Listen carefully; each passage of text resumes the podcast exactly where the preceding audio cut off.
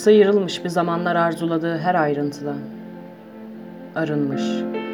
Duygu yüklerinden, dümenlerden, onlardan elde edilen fantastik dünyalardan topuklamış. Kendine ve her şeye karşı ayak uydurmaktan geri çekilmiş. İçinde olduğu tatminlerden kopmuş bir yabancı. Kaburgalarını savaş alanında terk etmiş bir kahraman. Ne kadar yara aldıysa o kadar bırakmış medeniyet senaryolarını. Ne kadar karaladıysa ifle olmaz lekelerini o kadar hayatta kalmış. Ne kadar biriktiyse darbeleri, ne kadar aldıysa iz, o kadar eskitmiş ve o kadar iz bırakmış.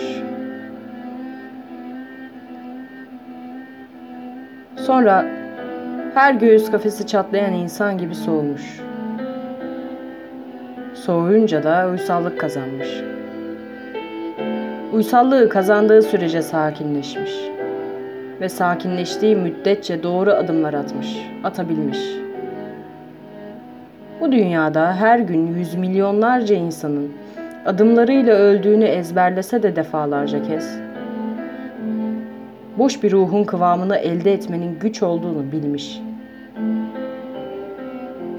Ne kadar yerinde yoksa görkemli gecelerde nükseden okkalı hisleri, o kadar çizgilere basmadan yürümüş kendi tonuna.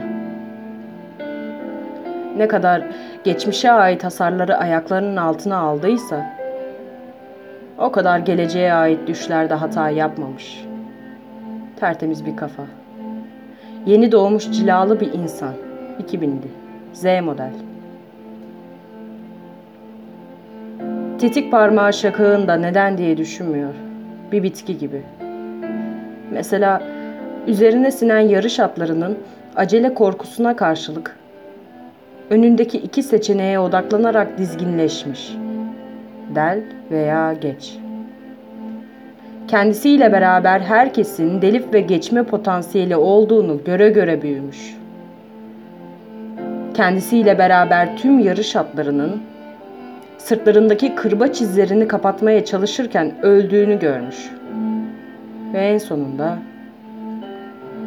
acıdan başka ne olabilir sorusuna yanıt veremeyen ama inatla üremeye devam eden bir köstebeğe dönüşmüş. Ve bu kez her köstebeğin ne kadar gürlerse o kadar yağdığını görmüş. Ne kadar yalnız kalırsa o kadar az kötülük yaptığını. Ve ne kadar delerse o kadar geçtiğini.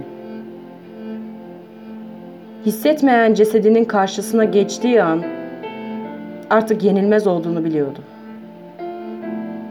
Ne kadar tanımazsam şu paramparça yüzü o kadar bakmam. Ne kadar az simülasyon o kadar az kabus. Ne kadar farkına varmazsam dönen çarkların o kadar ilk insan olurum. İhtiyaç güdülerini aşmış kocaman bir varlık. Ne duruyor, ne durduğu an düşünüyor, ne düşündüğü an hissediyor. Sadece sıyrılıyor. İşte hayattaki tek başarısı.